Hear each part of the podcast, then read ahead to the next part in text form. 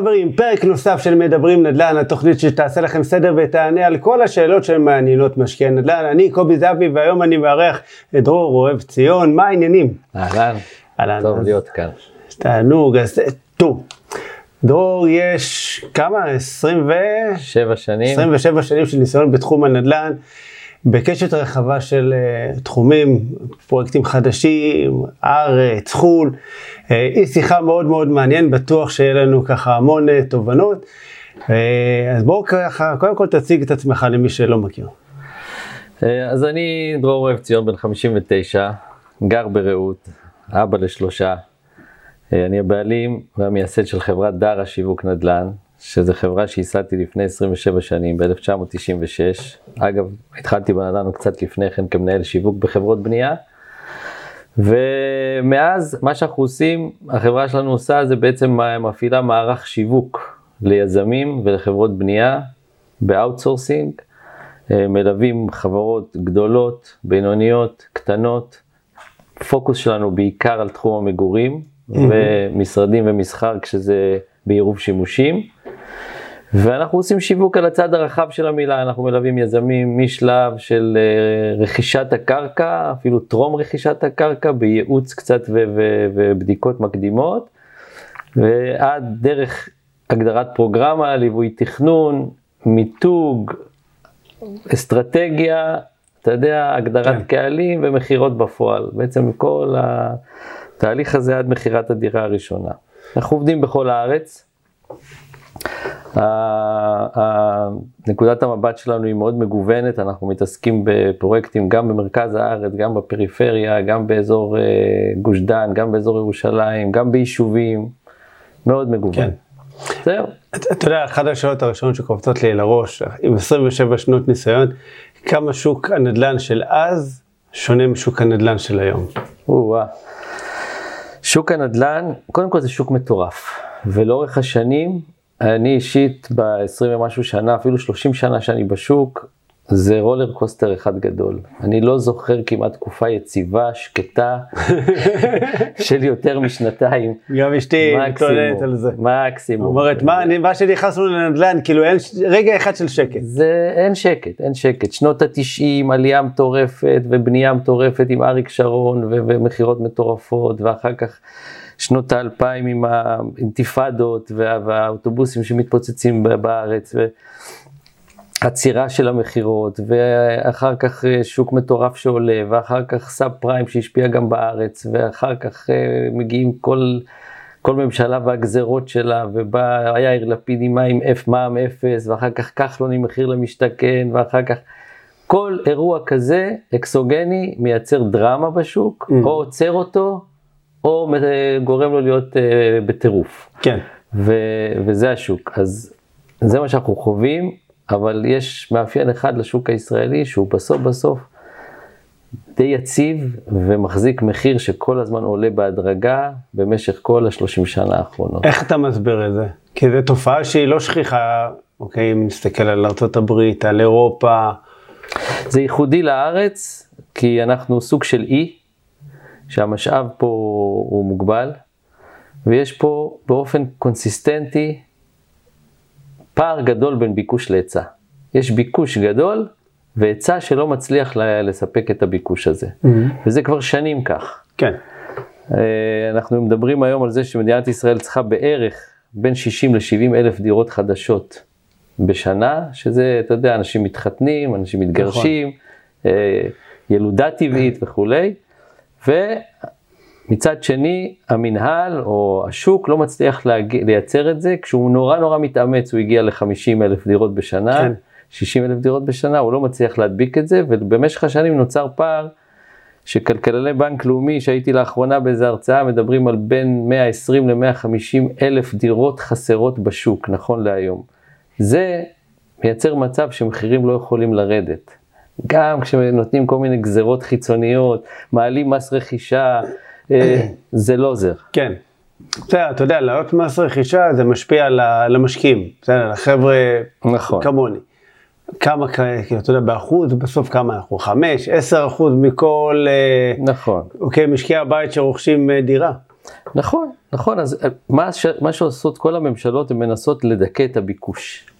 כן. על ידי כל מיני גזרות, וזה לא עובד. כי לא מטפלים בבעיה העיקרית, והבעיה העיקרית היא הגדלת היצע. אתה יודע, זה, זה כמו לנסות לדכות תיאבון, זה לא עובד. נכון. בסוף, דיור זה מוצר בסיסי, כמו אוכל, כמו ביגוד, בסדר? כמו אוויר לנשימה. אתה לא יכול, אני לא יכול לדכא אותך עכשיו שלא תנשום. בסדר, זה, זה יחזיק לזה כמה שניות, אתה יכול לדכא את השוק עכשיו, שלא ירוצו לקנות אה, דירות כמו עם העלאת הריבית, אבל זה זמני, כי מה יקרה ברגע שהריבית תרד? ברור, ברור, זה בסוף, אתה יודע, זה, אתה לומד את זה בשנה א' בכלכלה. ביקוש נכון. והיצע צריכים להיפגש. עד שהם כן. לא נפגשים, הפער הזה מייצר אה, לחץ למחירים או לעלות או לרדת. כן, אתה צריך לספק את כמות הדירות שהשוק צורך. אתה לא יכול לדכא את הביקוש, אתה צריך לספק את זה, זה מוצר בסיסי כמו שאתה אומר, זה לא מותרות דירה. גם כשבן אדם קונה להשקעה זה לא מותרות, כי הוא משכיר את הדירה, נכון. ויש סוג של שכירות. אז, אז אתה חייב לייצר את כמות הדירות שצריך לייצר, וזה לא, לא עושים את זה, יש בארץ בעיה גדולה מאוד של uh, בירוקרטיה שלא מצליחה להתגבר ולייצר את כמות הדירות שצריך כל שנה, וזה בסוף פוגע ב- בכולנו ובילדים שלנו. כן. איפה, ה- אתה יודע, הנקודות אה, חולשה בשוק? כי אתה גם בקשר עם המון אה, יזמים, אני בטוח שאתה שומע ככה במסדרונות אה, את הבעיות, את התלונות שלהם. היזמים, אה, כל היזמים ידברו איתך על זה שהיום הבירוקרטיה הורגת אותם והריבית הורגת אותם, שני כן. דברים קשים שיש כן. בשוק. הריבית זה ברור, בסדר? כי זה ענף שהוא עתיר מימון, אז הריבית הגבוהה משפיעה על... על וזה ה- גם עוד זמני. נכון, וזה זמני וזה יכול להשתנה וזה כבר התחיל לרדת חזרה. נכון.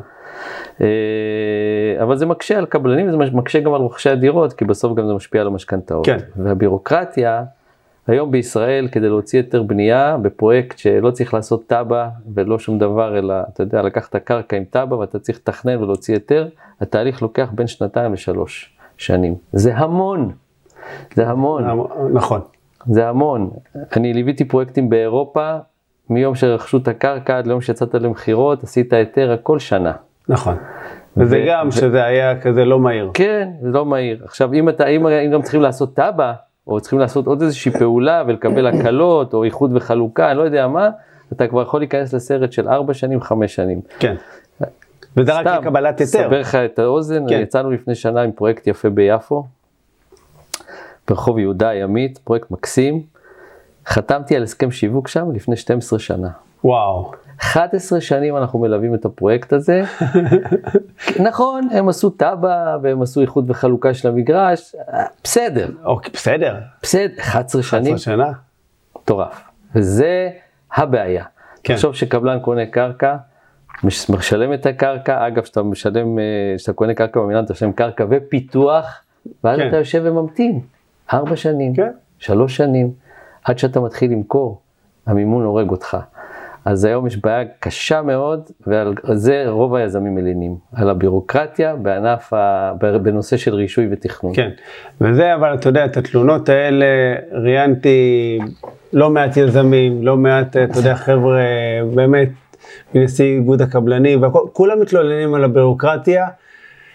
אף אחד כאילו לא מוצא את הפתרון לזה, זאת אומרת, אה, כמה שזה אני, מורכב. אני חושב שהפתרון לזה הוא לא מורכב יותר מדי. לא, הפתרון לא מורכב, היישום שלו, הביצוע, אתה תראה. יודע, כנראה שלמישהו אין אינטרס. תראה, סיפר לי מי שסיפר לי עכשיו שהוא יוזם בגרמניה, שיש להם חוק, מרגע שאתה מגיש בקשה להיתר, חייבים לענות לך תוך פרק זמן נכון. קצוב. ואם לא, יש פנלטי, אתה יודע, יש קנס על הרשויות, או שחייבים לאשר את הבקשה שלך אם לא נתנו לך תגובה. גם בפולין, דרך אגב, זה עובד אותו דבר. בפולין. עכשיו, מה קורה בארץ? בארץ זה לא עובד ככה. אם אתה תייצר איזושהי מערכת שגם מתגמלת רשויות על זה שהן יהיו זריזות ויוציאו היתרים בזמן, ומצד שני תעניש אותם על זה שהם לא נתנו תשובות בזמן, תכריח אותם לכל עניין לקצוב לו זמן, והם חייבים לעמוד בלוח הזמנים הזה להוצאת היתר על שלביו השונים, זה דבר אחד.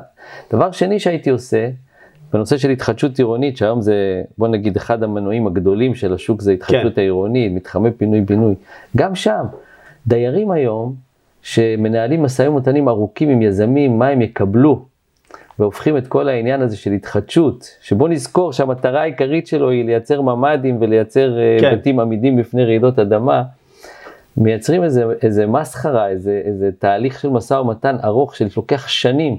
אם אתה תבוא ותגיד לדיירים, אתם חייבים לבצע תמ"א, חייבים, תוך שנה, כמו שהיום עיריית תל אביב מוציאה צווים לבניינים שהם במצב רעוע ואומרת להם תוך שנה אתם חייבים לעשות שיפוץ לבניין כי הבניין הוא בסיכון, אם לא נצטרך לפנות כן. אתכם או, שת, או שתיכנסו, אז הדיירים מייצרים מיד, מתקשרים עם יזם ומשפצים את הבית בתוך לוח זמנים נכון, קצוב. אבל אני מניח ש... למה שלא תקצוב זמן גם לדיירים בנושא ההתחדשות? הבעיה הזאת שהעלית היא יותר שכיחה באזור המרכז.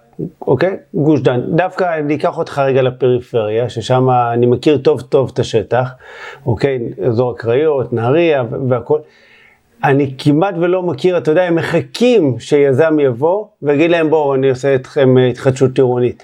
הם מוכנים. עכשיו יש מלא קבלני חתימות שמחתימים אותם על, אוקיי, על מסמכים והבטחות באוויר, ו- ולפעמים אתה יודע, דרך איזה יזם אחד, ובלי מכרז יזמים, ובלי ש- שום דבר שהוא באמת לטובת הדיירים, הם מוכנים לחתום רק שיום אחד יקרה כאן משהו. ובסוף, אתה יודע, באזור הפריפריה, אה, אני חושב שם צריך לתת בכלל את המענה. שם הסיכון. שם הסיכון, גם על השבר הסורי אפריקאי וגם הבתים הישנים, וכאילו יש איזו התעלמות. לפעמים הדיירים חותמים ליזם, חותמים לאיזה מינהלת, אבל העירייה אומרת, אני לא מכירה את זה, סבבה, חתמתם ו... נכון. לא מקדמים שום דבר. נכון, אז, אז תראה, ככל שאנחנו יודעים שהשיטה עובדת, ככל שמחיר הקרקע גבוה יותר, יש כדאיות יותר גדולה נכון. לביצוע. אז בפריפריה שמחיר הקרקע נמוך, אין הרבה כדאיות, ולכן שנים, בוא, אנחנו מתעסקים עם התחדשות עירונית כבר 20 שנה, אז לא היה כדאי. היום ככל שהמחירים עלו, עלו בתל אביב והשפיעו כמובן הלאה, כן. אה, גרמו לזה שגם בפריפריה המספרים התחילו לעלות והגיעו למספרים יפים, אז מתחיל להיות כדאי גם שם. אבל אפשר לפתור את זה. בסוף אם אתה הולך על מתחם פינוי-בינוי, אם תיתן מספיק זכויות ליזם, מספיק זכויות, שיהיה שווה לו, שהמכפיל שלו בין מספר הדיירים שהוא מפנה למספר הדירות שהוא יכול לבנות יהיה כלכלי, וזה לא בעיה לבדוק את זה ולעשות את זה, נכון. אז תייצר כדאיות. וברגע שתייצר כדאיות, תוציא את זה לדרך. אגב, אני כבר רואה שבקריות יש כמה מקומות שאני יודע שיש פרויקטים שממש מבשילים נכון. ומתקדמים. כן. בקריית ים, בקריית ביאליק, שמעתי על נכון. כמה, כמה פרויקטים כאלה. ו, וזה מבורך, אבל זה לא מספיק. תקשיב, אנחנו 20 שנה, אני לא יודע אם יש 100 אלף דירות שעד היום חודשו במדינת ישראל כן. ב-20 שנה שיש התחדשות עירונית. זה כלום ושום כן, דבר. מה זה 100 אלף? זה... זה כלום, אפילו לא בנייה הרי... אה, נכון, ורובם גם אגב במרכז, כן. רובם במרכז ולא בפריפריה. אז תיתן מספיק זכויות, תטפל בבירוקרטיה, ותקצוב זמן. כן. תכריח את הדיירים לסגור עסקה עם יזם תוך זמן קצוב. כן, או מנגד גם לתת תמריצים ליזמים, אוקיי, לצאת מאזור גוש דן ולהתחיל לעשות את הפרויקטים האלה דווקא בפריפריה. ואז באמת הפרויקט הזה יהיה רווחי יותר, ויהיה ליזם תמריץ. בסוף זה השיטה, אתה חייב לתת תמריצים, כי בסוף אתה יודע, יזם שלא ירוויח בפרויקט לא יעשה אותו. אף אחד לא עובד בהתנדבות. נכון, ופה המנהיגים שלנו, תראה, אתה יודע מה הבעיה? שיש לנו אה, ממשלה שמתחלפת כל שנתיים, שלוש בשנים האחרונות. כן. ואתה לא רואה חשיבה לטווח ארוך. כל ראש, כל אה, שר שיכון או שר אוצר שמגיע רוצה להטביע את חותמו ולייצר איזושהי מהפכה בשנתיים שלוש, שיקרא משהו על שמו, אני לא כן. יודע מה. אתה לא רואה תוכנית ארוכה, חמש שנים, עשר שנים, חמש עשרה שנה. אם מדינת ישראל הייתה חושבת ככה לפני עשרים שנה, אז היום היה לך אולי, אולי כבר רוב המדינה כן. הייתה אה, מטופלת בנושא של התחדשות. זה לא קורה. עד שלא תהיה חשיבה לטווח ארוך, זה לא יקרה גם. אנחנו צריכים קצת ללמוד מהסינים או מכל מיני כאלה ש... הייתי בסין לפני איזה כן. 15 שנה, באיזה עיר בשם סצ'ואן, mm-hmm. הראו לנו, התארחנו אצל ראש העיר, הראה לנו מודל, ואמר, תקשיבו, בעוד חמש שנים העיר תהיה פה, בעוד עשר שנים זה המודל שלה, ובעוד חמש עשרה שנה זה המודל שלה. הם יודעים לאן הם הולכים. כן. הם יודעים לאן הם הולכים 15 שנה. אפילו את הווייז. כן, כן. אנחנו לא. כן. אנחנו לא שם. אנחנו עושים, אתה יודע, אנחנו אומרים מקסימום שנה קדימה. אנחנו מאלתרים, אין לנו מספיק תכנון לטווח ארוך. אגב, זה, זה כנראה בכל זה התחומים. נקודה... זה כנראה בכל התחומים. לא, לא לזרוע כאן מלח על הפצעים. תראה, אתה, התחלנו בזה שהמדינת ישראל היא אי קטן. עכשיו, אני חושב שהכרח לדאוג לכל העניין הזה של התחדשות עירונית, זאת אומרת, כל הבניינים של השתיים, שלוש, ארבע קומות, במיוחד שהם כבר ישנים, והם אה, לפעמים אפילו חלקם מוגדרים כמבנים מסוכנים, דינם להתחדש ולהקים, אם אתה לוקח בניין של אה, שלוש-ארבע קומות ובמקומו שם בניין של אפילו 12 קומות, כבר, אתה יודע, שינית את פני העיר, גם הגדלת את כמות הדירות על אותו שטח. בסדר, ואנחנו צריכים, הרי התחלנו גם מזה שיש חוסר יחידות דיור. נכון, איך התחילו את הכל, אתה זוכר? התחילו עם תמ"א 1. כן. אמרו לא הריסה בנייה, נוסיף קומות. בוא נחזק. בוא נחזק, שזה, כן. היום ברור שזה שגיאה מטורפת, נכון. זה יוצר כל מיני מוטציות, דירות שהן מוטציות. וואי. קשה למכור, קשה לבנות, קשה, מסכנים הדיירים שצריכים להישאר בדירה. ואז עברו לתמ"א 2, לבניינים כן. בודדים והריסה ובנייה, שגם זה תהליך נורא איטי, כל בניין מנהל משא ומתן שעות, ואז בנית עוד עשר דירות. היום סוף סוף התחילו לדבר על מתחמי פינוי-בינוי, התחילו לתכנן מתחמים גדולים יותר. עכשיו מה, אי אפשר היה לעשות את זה ב-day one? כן. קצת חשיבה. זה הרי לא דברים יותר מדי מסובכים. היית יכול לצפות את הדבר הזה, שתמ"א 1 זה דבר לא נכון, ותמ"א 2 זה טיפול שהוא לא מספיק טוב ולא מספיק מהיר. היום סוף סוף הגיעו למסקנה שהולכים לטפל במתחמים גדולים. באות העיריות אומרות לך, תן לי גוש של בניינים, נעשה עליו תב"ע, נעשה מגדלים, נעשה מה שצריך ונרוץ קדימה. נכון, אבל גם, גם העיריות, גם הרשות המקומית לא ממש מעודדת את הדבר הזה. פינוי בינוי דווקא ברוב המקומות שבוא נגיד יש עיריות שמאוד מעודדות את זה אני למשל יש לנו מספר פרויקטים של פינוי בינוי בירושלים עיריית ירושלים היא mm. סופר מעודדת את זה יש שכונות שלמות היום בירושלים שעוברות התחדשות ואני לא מדבר איתך על תמ"אות אני מדבר איתך על, על פינוי בינוי של מאות יחידות כן. שמתחדשות בבנייה והריסה מחדש ועלייה קצת לגובה מבורך עיריית ירושלים דוחפת את זה ויש עוד כמה עיריות שדוחפות את זה. ו, ו, וזה עושה טוב לעיר, זה עושה טוב לעיר. זה מכניס דם חדש, זה משפר את פני העיר, זה מוריד את כל המבנים ה, ה, הישנים שהם מתאים לנפול, זה מוסיף ביטחון. זה מה שצריך לעודד. כן. אתה יודע מה? לא רק לעודד, צריך להנחות, צריך לקבוע. צריכה להיות הוראת זמנים, שעה. הוראת שעה. כל ראש עיר צריך לדעת שהוא חייב לטפל במכסה של איקס בתים תוך נכון. שלוש שנים. בדיוק. חייב. אחוז מסוים צריך... בדיוק, אה, כן. וזה לא קורה. וזה לא קורה. ואנחנו עוברים כמעט כל נושא שניגע בו, יש תהליך לימוד שהוא נורא נורא איטי. במחיר למשתכן גם כן התחילו בצורה נורא מעוותת. כן. התוכנית הראשונית של כחלון לא הייתה טובה. לא הייתה טובה. היא יצרה כל מיני דברים מאוד מאוד משונים בשוק. ולאט לאט התחילו לשפר עוד קצת ועוד קצת ועוד קצת ועוד קצת, ועד מתחלף שר שיכון ואז הוא עושה תוכנית אחרת. אין תוכנית לטווח ארוך. היום למשל, שנים כבר המינהל משווק קרקע ביחס של 80-20. 80 מחיר למשתכן, 20 מכירה חופשית. היום אתה רוצה לקנות דירה חדשה של שלושה ארבעה חדרים, אתה כמעט ולא תמצא, כי זה הכל מחיר נכון. למשתכן. עכשיו אתה כמשקיע, אתה רוצה לקנות דירת שלושה חדרים חדשה או ארבעה חדרים חדשה, אתה כמעט לא תמצא כאלה בשוק. כן. תמצא אולי בהתחדשות העירונית, אבל גם לא מספיק. פרויקטים חדשים יותר uh, מאתגרים. מה קורה? אנחנו היום בחברה, אני הסתכלתי על הנתונים שלנו ב-2023, 65, 65 אחוז כמעט מהדירות שמכרנו, דירות חדשות במכירה חופשית, זה דירות חמישה חדרים ומעלה.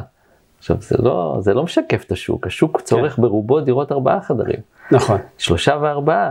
זאת אומרת, יש פה עיוות. אם חברה כמו שלנו, ש, ש, שמוכרת, באמת, אנחנו מוכרים מאות דירות בשנה, אם אנחנו מכרנו הרוב חמישה חדרים, יש מחסור של דירות שלושה ארבעה שאנחנו לא יודעים לספק אותו לאנשים שזה לא דירה ראשונה שלהם. כן. הם לא יכולים לקנות במחיר למשתכן.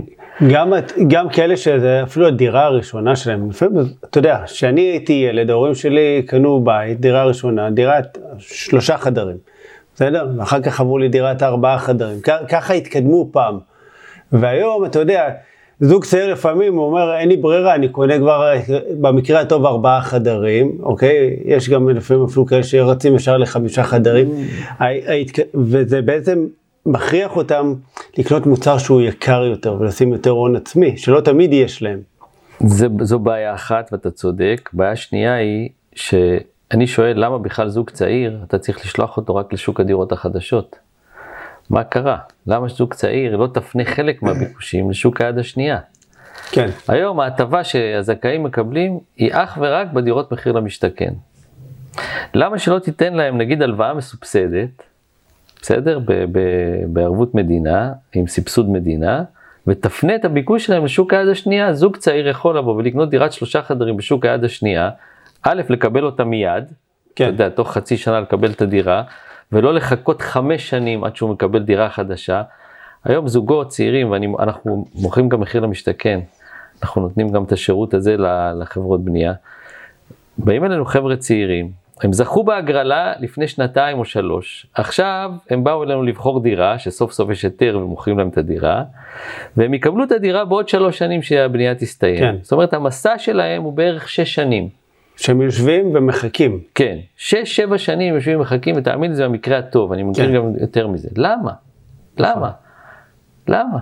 למה לא לקחת זוג צעיר ולהגיד לו, תקשיב, במקום, אני נותן לך אפשרות, אם אתה רוצה ללכת למסע של שש שנים, לך, אבל אם אתה רוצה לקנות דירת יד שנייה, המדינה תיתן לך סבסוד אחר, כן, כן. במקום לסבסד את הדירה החדשה, בוא נסבסד לך הלוואה בשוק היד השנייה, לך תקנה דירת שלושה חדרים איפה שאתה רוצה לגור. העניין, אני אגיד לך, כי הם יגידו, אוקיי, סבבה, אבל אני מסתכל עכשיו, פתחתי את אחד מאתרי הנדל"ן, מסתכל, כל הדירות שלושה חדרים, זה בבנייני שיכונים ישנים, אני לא רוצה כזה. ב- לגור בבניין עם מעלית. קודם כל, קודם כל, וכאן אנחנו חוזרים עוד פעם להתחדשות עירונית ש... שלא עובדת כמו שצריך. נכון, אבל קודם כל יש גם דירות שהן נבנו, בוא נגיד בחמש שנים האחרונות, שזה לא, לא שיכונים ישנים, נכון, יכול לקנות נכון. ביד השנייה. אני בכוונה הקצנתי קצת, כן, אבל... יש, אה, אופ- תן לו לבחור, כן. תן לו לבחור, ואז תזרים דם לשוק היד השנייה, שהיום אגב הוא די תקוע, נכון. תזרים, תזרים לשם דם, החבר'ה של ה- שמוכרים דירת יד שנייה יבואו לקנות דירה חדשה, וכל כן. השוק מקבל תנועה, הרי הכל מתחיל מהדירות הקטנות של היד השנייה, אנשים צריכים למכור כדי לקנות. איך אתה רואה, אוקיי, את התקיעות של שוק הנדל"ן ביד השנייה? איך אני רואה את זה? כן, זאת אומרת, אה, אה, אגיד איך, אתה רואה את זה, ואתה איך זה בא לידי ביטוי? הואיל ואמרתי לך שאנחנו אה, מכרנו ש- 65% מהדירות שלנו חמישה חדרים ומעלה כן. השנה, אז רובם משפרי דיור. נכון. והם מגיעים למשרדי המכירות ואני שומע ורואה. הם מתקשים למכור את הדירה הישנה שלהם. הם הרי כדי לקנות אצלנו דירה חדשה, כדי לעשות איזשהו, אה, יש להם, יש להם היום דירת שלושה או ארבעה והם רוצים לעבור לדירת חמישה, הם צריכים למכור את הישנה. אז אנחנו רואים את הקושי בלמכור את הישנה. הם גם מדברים על הקושי הזה. מה עושים היזמים היום? וכי יזמים בדרך כלל יודעים לתת תרופה מהירה לבעיה שהם מזהים. אנחנו כאנשי כן. שיווק ישר מזהים בעיה, נותנים תרופה. אומרים אוקיי, בוא ניתן לך תנאי תשלום של 20-80 או 10-90, שים היום הון עצמי 10% או 20%. נכון, או אפילו ואני 5 אתן- אחוז. ואני- זה מקרים חיצוניים זה גם 5 אחוז, ואני אתן לך הזדמנות למכור את הדירה שלך עד סוף הבנייה, הבנייה תסתיים בעוד שנתיים או בעוד שלוש שנים. קח את הזמן, תמכור, לאט לאט שלם כשתמכור. אז זה באמת מרגיע וזה מאפשר להם להיכנס לתוך העסקה. אבל שם אנחנו רואים ששוק היד השנייה תקוע.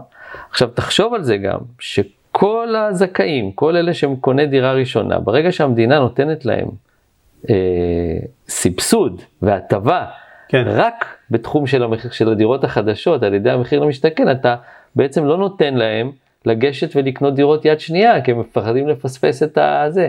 אז הם זוכים בהגרלה, עושים הגרלות ענק, ש... נכון. ואז עשרת אלפים זכו בהגרלה. עכשיו, הם לא יודעים באיזה דירה הם זכו, הם לא יודעים מי הקבלן, הם לא יודעים איך נראית הדירה, והם לא יודעים גם מתי הם יקבלו אותה. כן. אבל הם יושבים על הגדר וממתינים. מה עשית בעצם? יצרת מצב שעצרת את הביקוש באופן, באופן נכון. אה, מלאכותי. גרמת להם לשבת על הגדר, כי מצד אחד זכו בהגרלה, אבל הם עדיין לא יודעים כלום על הדירה שלהם. אז הם יושבים ומחכים עכשיו, שנתיים, שלוש. ולפעמים גם מה שהם זכו, מודיעים להם שבסוף הפרויקט הזה לא יוצא לפועל, או כל מיני כאלה. או שהם נגיד אה, רצו לקנות דירת שלושה ארבעה חדרים כי זה התקציב שלהם וכשהם הגיעו בסוף לשלב שהם צריכים לבחור דירות והמספר שלהם עלה, היה לא מהראשונים, כן. נגיד שיש 100 דירות בפרויקט נגיד שהם נכון. מספר 90, אז כן. נשארו להם רק דירות של חמישה או כן, פנטהאוזים הפנטהאוז. ואין להם יכולת. לקנות את זה אבל הם חיכו שלוש, שנתיים שלוש עם ההגרלה.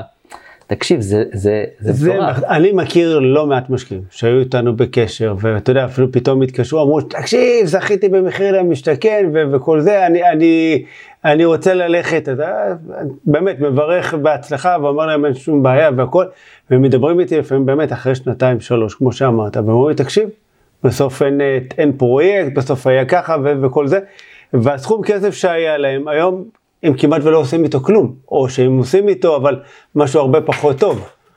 אוקיי. אתה גרמת להם לשבת ולהמתין בערך שלוש שנים עד שהם בכלל יודעים אם הדירה הזאת שהם, נכון. אה, אה, אה, בפרויקט שהם זכו, היא כן. דירה שמתאימה להם, אם יש להם כן. מספיק כסף לקנות אותה וכולי.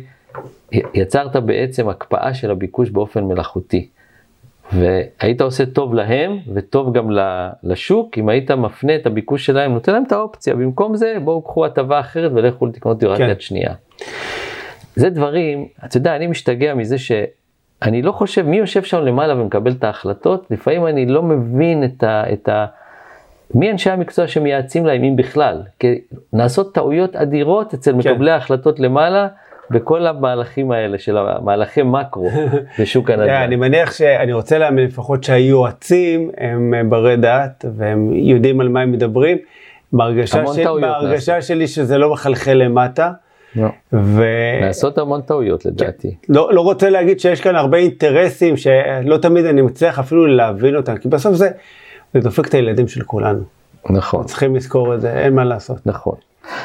אגב, ה- ה- יש לך הרבה מהקהל המאזינים שהוא משקיע, נכון? נכון. שהם, אה, אז דווקא דיברנו על הנושא של תנאי התשלום. כן, אז בעסקאות פריסל. כן, אז במאמר מוסגר, אתה יודע, יש פה גם הזדמנות מטורפת למשקיעים. עזוב רגע את המשפרי דיור שזה נוח להם לקנות ב-10.90, אבל בוא נדבר על המשקיעים. אם היום אתה יכול להיכנס לשוק, וזה היום ההזדמנות שיש לאחרונה, כי פעם לא היו נותנים תנאי תשלום כאלה. נכון. ממה זה נולד התנאי תשלום האלה? בגלל שיש מחיר למשתכן, והיזמים מוכרים 80% מהפרויקט לזכאים, שזה מכירה מהירה בחודשיים שלושה הראשונים, יש להם אפשרות לתת תנאי תשלום אה, של 20-80 או 10-90 על יתר הדירות, כי יש להם תזרים בתוך הליווי. אז מפה, נול, מפה נולדו התנאי תשלום המפליגים האלה. מהמם. וזה, פה נפתח חלון למשקיעים, כן. חלון הזדמנויות למשקיעים. כי אם אתה יודע לבוא לקחת דירה של, של שלושה מיליון שקלים, ואתה מאמין שהשוק הולך לעלות, אם אתה מאמין שהשוק הולך לעלות, תכף נדבר על זה, אם זה באמת, כן. אה, אם אנחנו חושבים ככה או לא, אבל אם אתה מאמין שהשוק הולך לעלות, והפרויקט הולך לי, ל- להסתיים בעוד שנתיים או בעוד שלוש שנים, אז אתה שם היום ב-10.90, 300 אלף שקל על ההון עצמי, ואתה בעצם צריך לשלם את יתרת הכסף בעוד שלוש שנים, ואם השוק עשה 10% בשלוש שנים האלה, 15%, אתה הרווחת 100% על ההון העצמי בתקופה נכון. הזאת. אז יש פה הזדמנות ואני רואה הרבה יותר ויותר חבר'ה שבאים ומחפשים השקעות, לא למגורים, של דירות חדשות בתנאי תשלום האלה. גם אנחנו כקבוצה, אוקיי, בהשקעה נכונה, הגענו כמה פרויקטים כאלה של אה, פריסל לקבוצת המשקיעים שלנו. אה, זה לא תמיד, אתה יודע, אה, זה ששמו על זה תווית של פריסל זה באמת זה, אבל הרבה פעמים יש את השאלה אם כל ההטבות האלה ניתנות, אולי בגלל שהיזמים בלחץ, אתה יודע, ריבית גבוהה כבר אה, שנה וקצת, אה, שוק הנדל"ן לא ברור לאן, ואז הם, אתה יודע, הם בלחץ כי גם כמות המכירות ירדה בצורה משמעותית, ואז הם יכולים לתת כל מיני צ'ופרים אה, לקונים, בשביל לעודד אנשים להגיע לשוק. תראה, בוא, בוא, בוא נדבר רגע טיפה, מה, מה קרה ב-23 ומה הולך להיות ב-24 ומה המצב של הקבלנים. מעולה. ב-23 בסך הכל הריבית התחילה לעלות וזה די עצר את השוק. היה לנו שנתיים מטורפות, 21-22 באמת שנתיים מטורפות. מחירים קפצו ב- בעשרות אחוזים למעלה. וב-23 הריבית התחילה לעלות ופתאום התחלנו להרגיש ירידה במכירות, הרבה פחות עסקאות, והמחירים התחילו לזחול קצת למטה, אבל כשאתה מסתכל כמה ירדו המחירים בשנת 23, א', מנתוני הלמ"ס, הירידה הייתה לדעתי 1.8 אחוז כן. במחירי הדירות. אתה אז רוצה, נכון אתה שזה רוצה להזכיר כמה הם עלו ב-22? מטורף, אוקיי. ב-21 ו-22 לדעתי ב- ב- בשנתיים האלה זה במצטבר איזה 30 אחוז למעלה. משהו כזה, כן.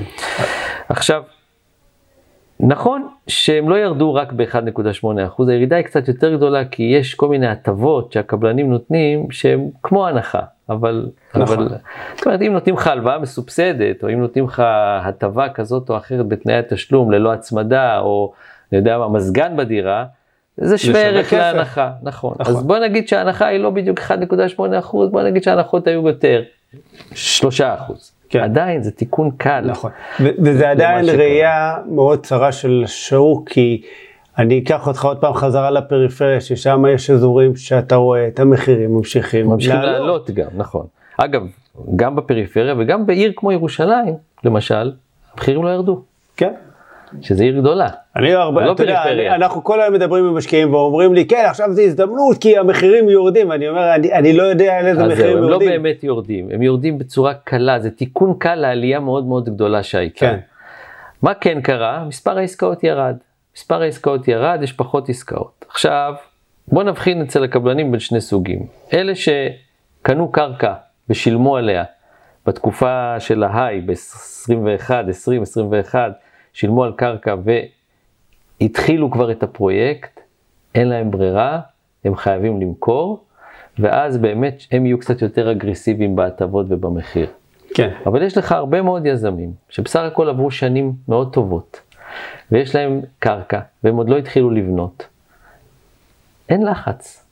הם מעכבים את התחלות הבנייה ואתה רואה שבשנת 23 יש לך ירידה בהתחלות הבנייה. זאת אומרת הקבלנים לא מתחילים את הפרויקט, הם אומרים בוא נחכה קצת, מה קרה? יש לנו קרקע, לא קנינו אותה יקר, אנחנו עדיין לא מחויבים ל- ל- למכור בקצב מסוים, הליווי בנקאי לא לוחץ אותנו, ממתינים, מעכבים קצת את הפרויקט. נכון. כל נושא ההתחדשות, ששם לא קונים קרקע בכלל, אין, אין, אין עלות לקרקע ב, נכון. בקנייה, מה עושים היזמים? שוק קצת קשה, אין עסקאות, בוא נמתין עם הפרויקט, בוא נתחיל אותו יותר מאוחר. כן. מעכבים את התחלת הבנייה. אז מה קורה? ההיצע ירד. ההיצע יורד, הביקוש כבוש.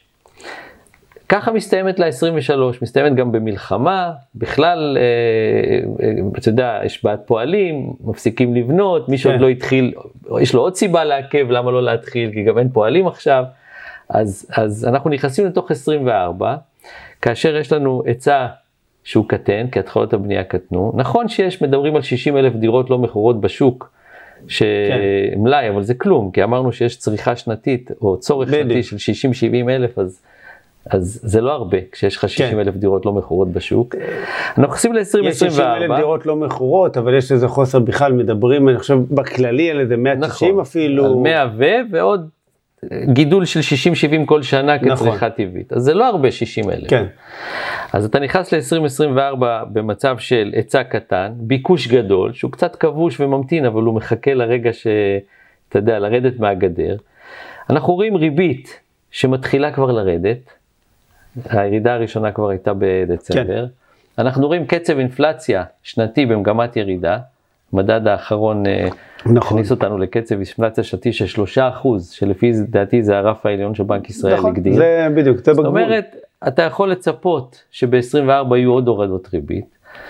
ואם אנחנו נסתכל קצת כמה חודשים קדימה ונצפה לזה שהמלחמה אולי תהיה קצת בעצימות יותר נמוכה, טיפה יירגעו העניינים פה, אנשים יחזרו מהמילואים. בוא, בוא נגיד שהמלחמה תיגמר.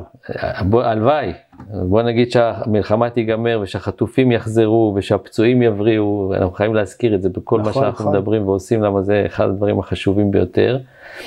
אז אנחנו יכולים לראות שב-24 יכולה להיות התפרצות מטורפת עוד פעם. כי ברגע שהריבית קצת תרד ואנשים יחזרו לשגרה שלהם, והמצב הפוליטי קצת יירגע פה, מצב המלחמה יירגע פה, אנשים יחזרו לקנות דירות, ואנחנו כבר מרגישים את זה. אני מרגיש את זה כבר בינואר, שאנחנו מרגישים שהביקושים גדלו לעומת דצמבר, גדלו נכון. לעומת נובמבר, וכמובן לעומת יש אוקטובר. איזו התעוררות. יש, יש תהליך של התעוררות וחזרה לשגרה. אז ביקוש גדול לפגוש היצע קטן, עוד פעם, סיכון מאוד גדול שמחירים יעשו עוד קפיצה למעלה. וזה היה התחזית של רוב האנשים, רוב האנשים שמתעסקים בתחום שלנו, צופים ש-24 איפשהו, החצי השני שלה, לקראת הסוף שלה, אנחנו נפגוש רמת מחירים עוד יותר גבוהה. נכון. אגב, וזה אחת הסיבות למה משקיעים אוהבים את ה-10-90 או את ה-20-80, כי זה כמו לקחת אופציה על כן. השוק. אבל אתה יודע, לפעמים גם מתעוררת השאלה מה יקרה אם האופציה הזאת לא תתממש. זה- כמו בכל זה דבר דיברנו- דיברנו כן, על זה, דיברנו על שאנחנו בכל- צריכים תמיד לחשוב על ה-worst בדיוק. ולדעת שאנחנו גם יודעים לצאת מהעסקה נכון. ב-worst scenario. אין ספק. כן. אה, וזה אנחנו, אני אומר את זה לחברים, למ- ל- ל- ל- לילדים של חברים, אה, כל האנשים שרוצים להיכנס להש- להשקעות וחושבים ששוק הנדל"ן הוא רק עולה, זה נכון שהוא עולה, אתה חייב אבל בתוך הקו עלייה הזה יש תקופות שגם הרולר קוסטר עובד גם קצת למטה, ויש לך כן. לפעמים תקופות של אין עסקאות, ואתה צריך לדעת כשאתה נכנס לעסקה, מה אסטרטגיית היציאה שלך, ואם קורה הגרוע מכל, ויש מלחמה, ויש אה, לא יודע מה, ויש משבר, והריבית קופצת עוד פעם, יש סאב פריים. כן. אתה צריך לדעת שאתה יודע לצאת מהעסקה הזו נכון. ולהשלים אותה, ו- ולהחזיק בה מבלי שאתה... יכול להיות שאתה יודע, המלחמה בסוף עם כל הורדת הריבית שתהיה, תגרום גם לאיזה מיתון, אה, אוקיי? במשק הישראלי, וזה ישפיע גם על שוק הנדל"ן, זאת אומרת גם את זה צריך רגע לקחת בחשבון. אין ספק, ולכן יש פה, יש פה מגמות. מצד אחד אנחנו מדברים על זה שיש ביקוש גבוה, היצע נמוך, ואז המחירים צריכים לעלות. מצד שני אתה אומר יש סיכון למיתון, ואתה נכון, צודק. נכון. יש אני בכוונה, אתה יודע, אני בפוזיציה של משקיע, ויאללה בוא, והנה אנחנו עושים, עושים את זה. לא, לא, לא, אני בכוונה צודק. רגע מחליף כובע, ואני בא עם ה... אוקיי, האדם הפסימי שרואה שחורות, אבל חשוב גם, אתה יודע, אנחנו תמיד אומרים שהאקסל סופג הכל. תוכניות עסקיות, אה, מה שאתה תכתוב שם, זה מה שזה יראה. בסדר? אבל חשוב תמיד גם ליצור גם תרחיש מצד אחד אופטימי, מצד אחד גם תרחיש פסימי, ולהיות, אוקיי, עם הפוקוס בעיקר על התרחיש הפסימי, כי אם זה עובד לך טוב, האופטימי יהיה אחלה בונוס. זה, זה, זה לא פסימי, זה, זה כמו שאתה אומר, זה לעשות תרחישים קיצוני לטוב, קיצוני לרע, ותרחיש אמצעי, ולדעת שאתה בכל התרחישים האלה חי. כן. חי, יודע להשלים את העסקה, יודע לצאת ממנה, כי אתה לא רוצה להגיע למצב שבו אתה פושט רגל, או יש לך משבר שאתה, הבנק בא ו- ו- ונושים דופקים לך על הדלת. כן. הב- תשמע, אנחנו משרדי המכירות נתקלים באנשים שיושבים מתכננים את עסקת הנדל"ן שלהם, ואנחנו לכולם תמיד אומרים, רגע, מה מקורות המימון שלך? נכון. יש לך מספיק הון עצמי? איפה ההון עצמי? מאיפה המקור שלו? משכנתה, אתה אומר שתיקח כך וכך, הבנק אישר לך את יש המסגרת. יש אישור עקרוני, לך תראה שיש לך אישור עקרוני לפני שאתה חותם אצלנו על חוזה.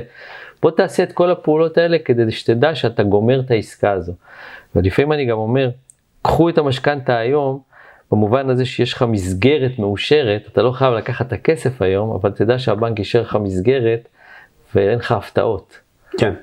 כי הבנק יודע לאשר לך מסגרת ואתה יכול לקחת את, ה, את הכסף מהבנק בחלקים, אתה לא חייב נכון, לקחת את נכון. כולו היום. אתה לוקח איזה חתיכה קטנה, זה כל, 50 מיני, אלף. זה כל מיני פעולות שאתה, שאתה עושה כדי, מה שנקרא, למסגר את הסיכונים שלך ולדעת כן. שאתה יודע להשלים את העסקה, גם אם יהיו לך בעיות בעתיד למכור את הנכס השני, או גם אם השוק Mm-hmm. יהיה יותר קשה, או גם אם הריביות יקפצו. כן. איך, אה, זאת אומרת, הקבלנים היום מתמודדים בכלל, כאילו, עם המלחמה ש, שיש ו- והכל? תשמע, קבלנים ויזמים זה בדרך כלל אנשי עסקים מאוד גמישים, אה, מאוד יצירתיים, אנשי השיווק בדרך כלל, ברוב המקומות, מאוד יצירתיים ויודעים לתת תרופה לכל מענה. עכשיו, כמו שאמרתי, יזמים בגדול נכנסו חזקים ל- ל- לתקופה הזאת, לתקופה הקשה הזאת, כי הם עברו שנתיים, שלוש מאוד מאוד טובות. כן. רובם במצב טוב. יש כמה, אנחנו שומעים על כמה סיפורים נכון. בתקשורת, על כאלה ש... שהסתבכו קצת אה, והריבית מקשה עליהם, ויהיו גם כמה תופעות של, לצערי, פשיטות רגל כנראה. אבל אם נסתכל על רוב השוק, במיוחד החברות החזקות, הגדולות, רובם נמצאות במצב טוב ויציב.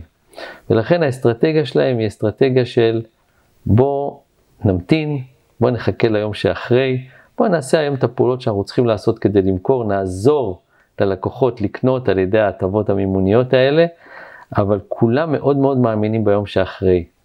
רוב השוק, רוב היזמים שאני עובד איתם, רוב הברנג'ה כן. מאמינה שבעוד שנה ואילך הולך להיות טוב, ולכן זו האסטרטגיה שלהם. האסטרטגיה היא אסטרטגיית המתנה, היא אסטרטגיה שלא להתרגש, לא רצים להוריד מחירים יותר מדי, אה, חוץ ממי שחייב, וזה לא, וזה לא הרוב, זה המיעוט.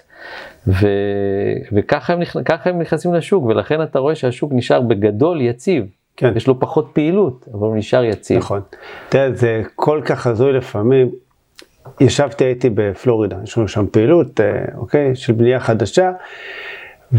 וישבתי שם עם אנשים שאמרו לי, זה לא הגיוני שהשוק בישראל, אה, אתה יודע, לא קורס, וזה לא הגיוני שהמחירים ככה התנפחו, אתה יודע, ששיתפתי אותם במה קורה כאן יותר מעשור, ואמרו לי, עוד שנייה זה יקרוס, עוד שנייה זה יקרוס, ואני אומר, אתה יודע, שאני שומע את זה כבר כל כך הרבה שנים, ואתה כל פעם אומר, הקורונה, אתה בטוח שהשוק יקרוס והוא לא קרס, והנה הריבית עכשיו עלתה ואינפלציה, בגלל האינפלציה, והנה השוק יקרוס והוא לא קורס, ומלחמה והנה השוק יקרוס והוא לא קורס, וכבר אתה יודע, כל פעם שנדמה שהוא קורס מוצאים איזה תרופה חדשה, ואתה אומר בואנה, מה, מה זה השוק החסין הזה, זאת אומרת. תשמע, בסוף אנחנו, בוא, אנחנו רוצים צניעות קודם כל, שוק כן. גם יכול לקרוס, הכל יכול לקרות, אנחנו לא חסינים מכלום לדעתי, אבל יש לנו מאפיינים ייחודיים לשוק בישראל, ואנחנו בכלל כעם, כעם יהודי, אתה רואה שבסופו של דבר המקום הבטוח ביותר כנראה ליהודי לחיות פה זה פה. בישראל. אנחנו רואים את זה היום עם גל האנטישמיות בעולם, אני מכיר, יש לי משפחה בחו"ל ואני מכיר, אה, אתה יודע, גם באירופה, גם בארצות הברית, אני מדבר עם אנשים. לא נעים להיות היום יהודי בחו"ל. תחושה היא לא תחושה בטוחה.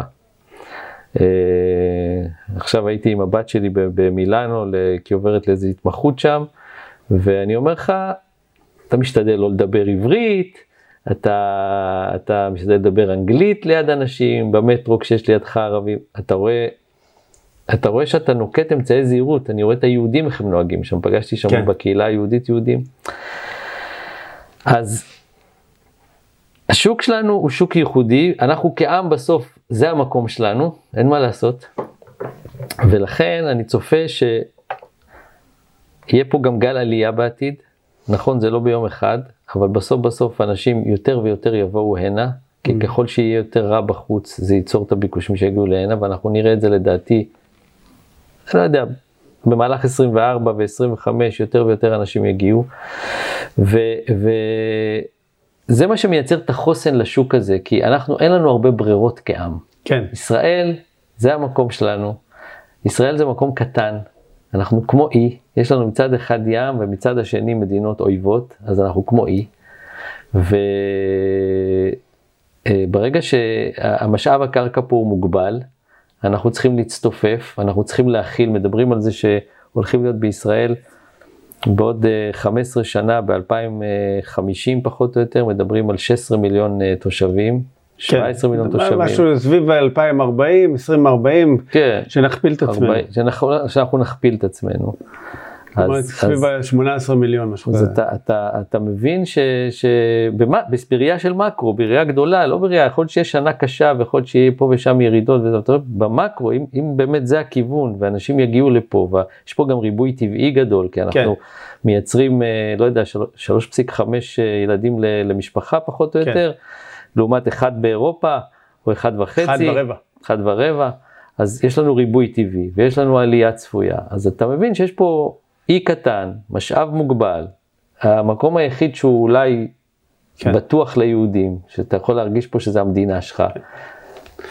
אתה ראית נניח לא בפרוץ המלחמה שיש אה, יותר אה, תושבי חוץ שמגיעים לרכוש דירות או רוצים לבוא לעשות אה, עלייה? אנחנו מוכרים בירושלים כבר שנים קודם כל, ובירושלים יש כל הזמן ביקוש של תושבי חוץ. כן. כל הזמן. טוב, אני יכול להבין את זה, עיר בירה, אתה יודע, הם יותר קשורים הרבה זה, פעמים. זה כזה קנייה רגשית, כן. זה המון, זה בעיקר, בוא נגיד את האמת, זה הרוב דתיים, מי שקונה בירושלים, כן. חוצניקים דתיים, גם אמריקאים, גם צרפתים.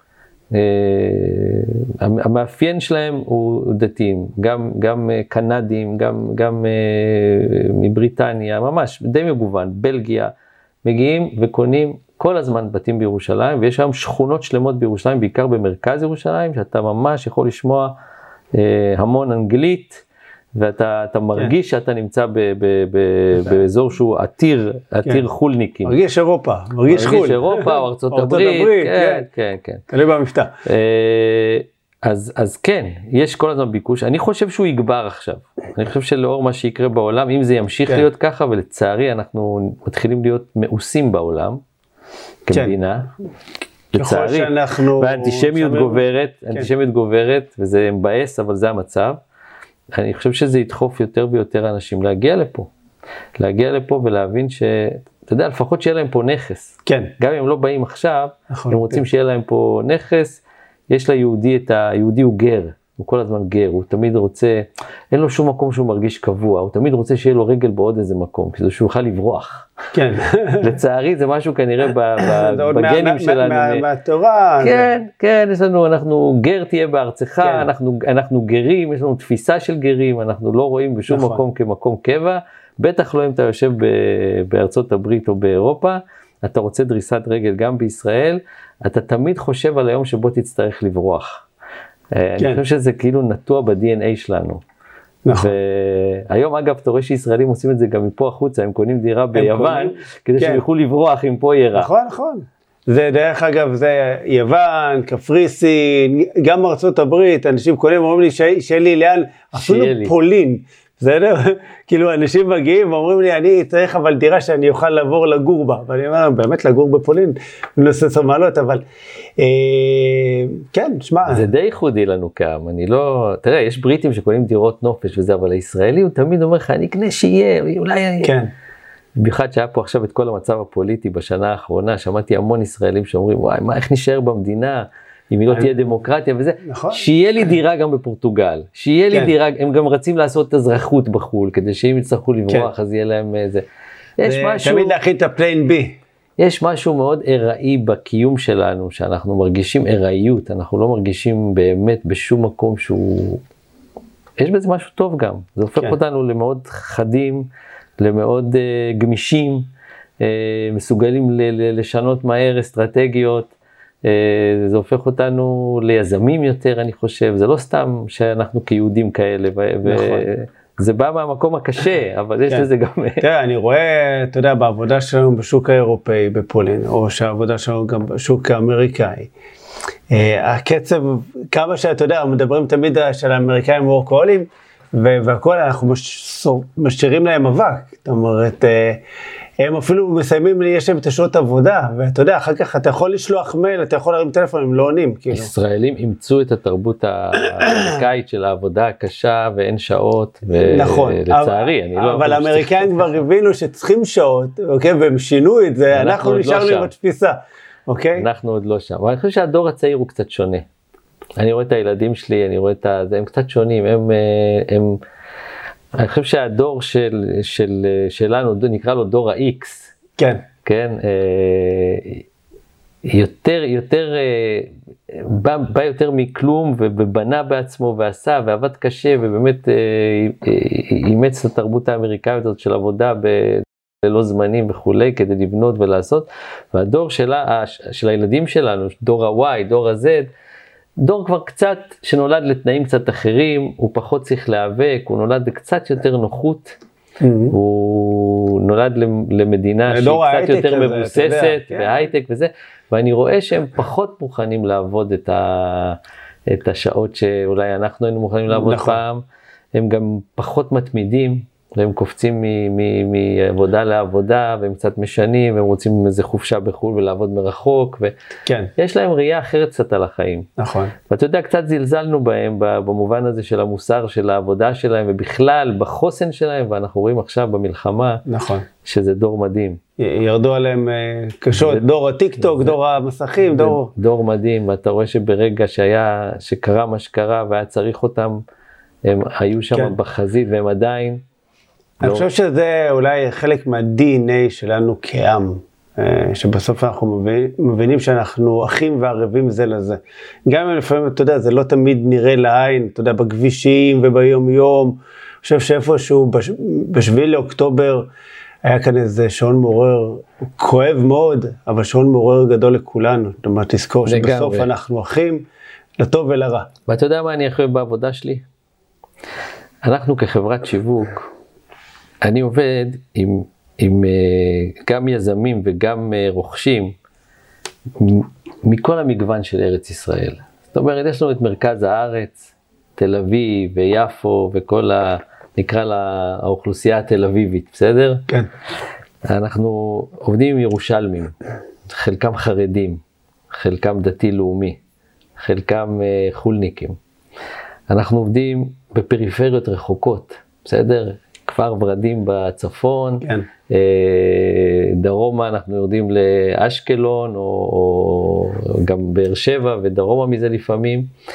אה, אנחנו עובדים עם קהל שנמצא ביישובים, בקו התפר ביו"ש.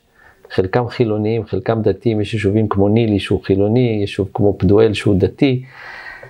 אנחנו פוגשים את כל עם ישראל.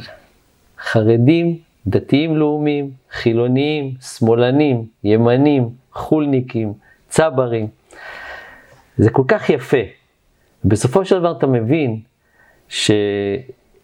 שאני בא ואני אני, אני שומע את אלה ואני שומע את אלה, ואתה יכול לראות את היופי שיש בכל, אה, בכל מגזר כזה, וגם להבין את הנרטיב שלו, ולהבין מאיפה הוא בא. ואז אה, אה, לא להתפלא כשהוא מתנהג כך או אחרת, או מתבטא כן. כך ואחרת.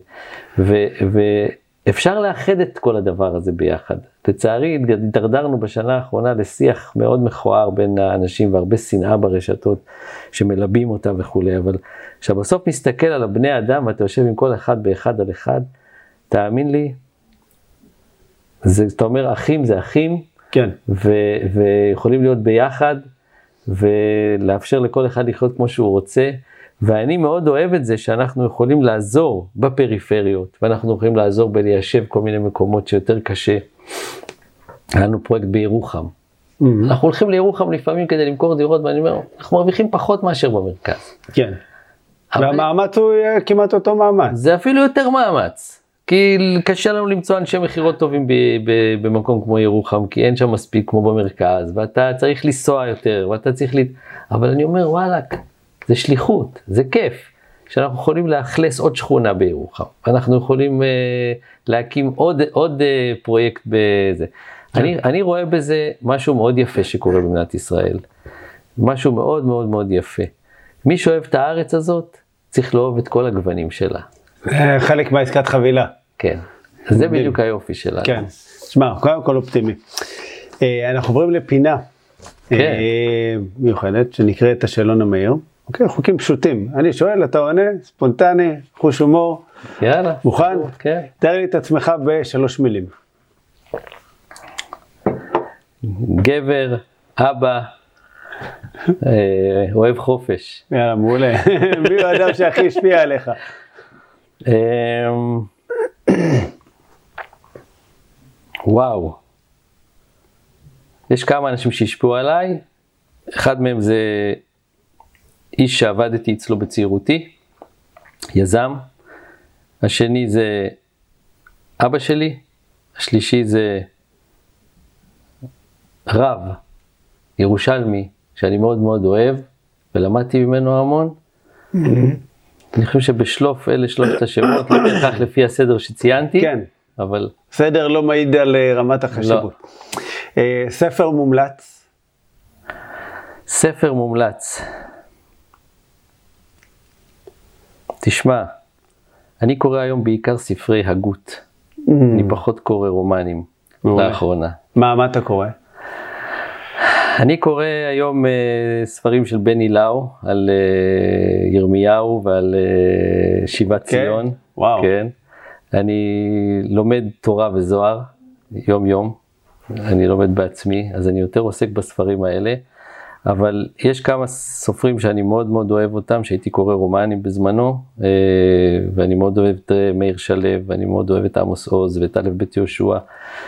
סופרים שקראתי הרבה, פול אוסטר, אז כן. אני היום יותר בספרי הגות, אני פחות קורא רומנים. מדהים. הדבר הראשון שהיית לוקח איתך לאי בודד? תאנה. תאנה. רגע, רגע, זה דורש הסבר. זה הפרי שאני הכי אוהב. כן. ואתה, אי בודד, אתה אומר לי, אני ישר חושב על רעב. לוקח איתי תאנה. אוקיי. אבל חוץ מתאנה הייתי לוקח את ספר הזוהר איתי. אוקיי, והדבר האחרון שהיית לוקח... ספר תורה. כן. והדבר האחרון שהיית לוקח איתך לאי בודד? הדבר האחרון? כן. טלפון. טלפון, מי צריך אותו? קצת שקט. העצה הכי טובה שנתנו לך. תתמיד. תתמיד. יפה. אה, איזה תחביב יש לך? אה, ספורט, אוקיי. ספורט, אני, מה- אני, אני שוחה, אני אה, הייתי רץ פעם, היום אני יותר עושה הליכות. אני מאוד אוהב לטייל בעולם, במקומות פחות שגרתיים. ואני מאוד אוהב ללמוד, מקום. ללמוד, אני, אני פשוט אצלי כל יום מתחיל בלימוד, אני מתחיל בשבע בבוקר כל יום, אני לומד שעה לפני שאני יוצא ליום, אני, מדהים, זה התחלתי לפני עשר שנים, זה הדבר הכי מבורך שעשיתי בחיים. ללא ספק. אה, איפה אתה רואה את עצמך בעוד עשר שנים? אני רואה את עצמי פה בארץ, אני רואה את עצמי, אה, תשמע, מטייל בעולם, עובד עדיין קצת, אבל לא מנהל בפועל, כי להיות מנכ"ל ולהיות מנהל זה, זה סוג של עול שבאיזשהו שלב צריך לשים אותו בצד. אמ, אבל. אבל כן עדיין בעולם, מעורה בעולם העסקי ועובד, כן. ו, והרבה לומד והרבה מטייל בעולם. אלה הדברים שאני אוהב לעשות אה, בסופו של דבר. כיף. אם היו עושים סרט על החיים שלך, לאיזה ז'אנר הוא היה שייך? אהה. אוקיי. אה, אתה בחור מפתיע, אתה. אה, טוב, שאלה מפתיעה עכשיו, אתה מוכן? אה? יאללה, בוא ננסה אותך. אם היית בלתי נראה, לאן היית הולך? וואו. אתה בא לי עם תשובות מפתיעות. אני... להיות זבוב על הקיר אתה אומר. כן.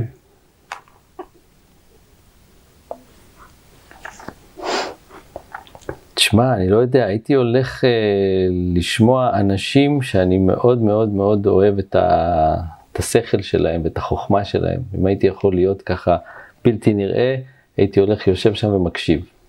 מדהים. אני מאוד אוהב ללמוד מאנשים חכמים. כן, גם אני מכיר את זה. אה, כמה זמן לוקח לך להתארגן בבוקר?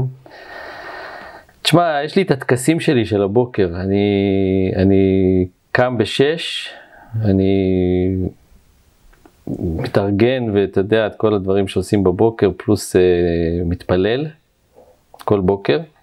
ואני בערך, זה לוקח לי בערך אה, שלושת רבעי שעה לסיים את כל התהליך הזה, ואחר כך אני יושב ללמוד. בערך שעה. ורק אחר כך אני פותח את היום. רק אחר כך אני פותח מחשב או טלפון. יש לי תהליך של איזה שעה וחצי בבוקר שאין לדבר איתי על זה- ענייני דיומא. אני לא כן. מתעסק בענייני דיומא בשעה וחצי הזאת. איזה יופי. זה מתכון לבריאות ואריכות ימים. כן, כן, ואושר. אני, אני מראש הגדרתי, אני כן. עד שמונה בבוקר לא, לא מתעסק בדברים שהם כן. קשורים ל, ל, לשוטף. אה, מה הדבר שעשית שאתה הכי גאה בו? מבחינה מקצועית, הדבר שאני הכי גאה בו זה היותי אבא. כן. אה, יכול להבין. כן, בסוף אני מסתכל על המשפחה, אני מסתכל על הילדים שלי, אין לי גאווה יותר גדולה מזו. אה, אז המשפחה שבנינו ביחד, אשתי ואני, זה הדבר הכי חשוב חושב שעשיתי בחיים, כל היתר מתגמד מול זה. כן. אם תגיד לי ברמה העסקית, אז זה בסדר, יש כל מיני דברים, אולי הפרויקט הכי מעניין שעשיתי מבחינה עסקית זה, הייתי מעורב ב, בכל הנושא של אה, יישוב חדש בעמק האלה שנקרא גבעות עדן, שזה ממש הקמנו יישוב מאפס על הרים, שלקחתי חלק בתכנון שלו, בשיווק שלו, בחשיבה, באסטרטגיה ובמכירות שלו, וזה היה ממש לשבת ולחשוב מי יבוא לשם, ואיזה קהל, ואיזה בתים נעשה להם, ומה יהיה הקונספט, ולבנות אפילו את הנרטיב של היישוב, ואת החזון שלו, ואת הערכים שלו. משהו שבאמת היה מיוחד ונמכר בהצלחה מטורפת, אז מבחינה כן. כן. מקצועית, בשנים האחרונות אני חושב שזה אחד הדברים ה... היותר יפים שעשינו. כן. ובסוף, המשפחה זה העוגן, זה ה... זה לפני הכל, אין, כן. אין מה להשוות זה- זה- בכלל. זה- אם תגיד דרור, מה, מה, מה החיים האלה, מה הדבר הכי, הכי גדול שעשית? זה ברור, כן. זה המשפחה, מדהים, זה הילדים מדהים. שלי, המשפחה שלי, זה הדבר הכי גדול. שום דבר לא עומד, לא מתקרב לזה. בסוף אנחנו כבני אדם באים לפה, העבודה והכל זה משחק. זה בסוף סוג של אה, מגרש שאנחנו צריכים לשחק עליו. כן.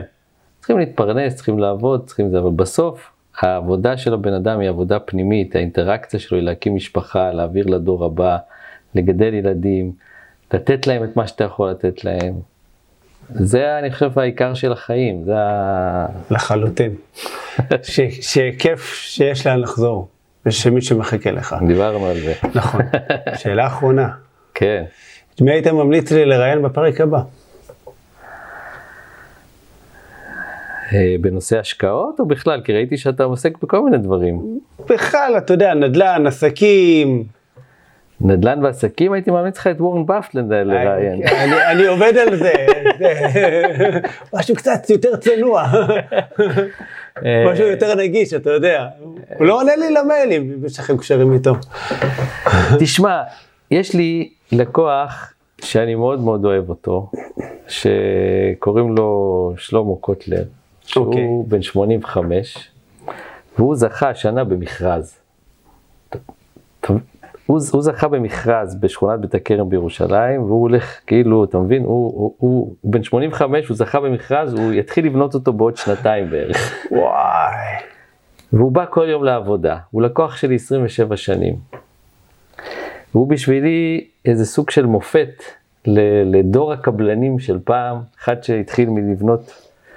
לערבב את הטיח. לערבב את הטיח. ובנה חברה יפה.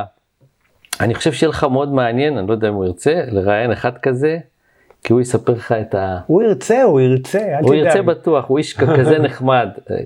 הייתי אומר לך... אותי לימדו שאין דבר אשר עומד בפני הרצון. זה, זה, זה לראות בן אדם ש, שהוא, איך נקרא, ענף הנדל"ן, זה, הש, הוא השורשים של הענף. וואו. לפחות מאלה ש... שלמה, אני בדרך אליך, תתכונן. שתי גוגל מוגל, ואנחנו כבר מגיעים. דרור, אה, תודה רבה. היה מרתק. היה מעניין. היה כיף, תודה שהזמנת אותי. מאהבה. חברים, אם אתם צופים דרך ערוץ יוטיוב, זה בדיוק הזמן ללחוץ על כפתור ההרשמה לערוץ ועל כפתור הפעמון שתוכלו להישאר מעודכנים. אם אתם מאזינים באחד מאפליקציות הפודקאסטים, תלחצו על כפתור עוקב, דרגו אותנו בחמישה כוכבים, תכתבו לנו תגובות, האלגוריתם מאוד אוהב את זה ואני מאוד מעריך את זה. דרור, תודה רבה. לא פחות מחמישה כוכבים. לא פחות. חברים, תודה רבה, ניפגש בפרק הבא. ביי חברים. תודה.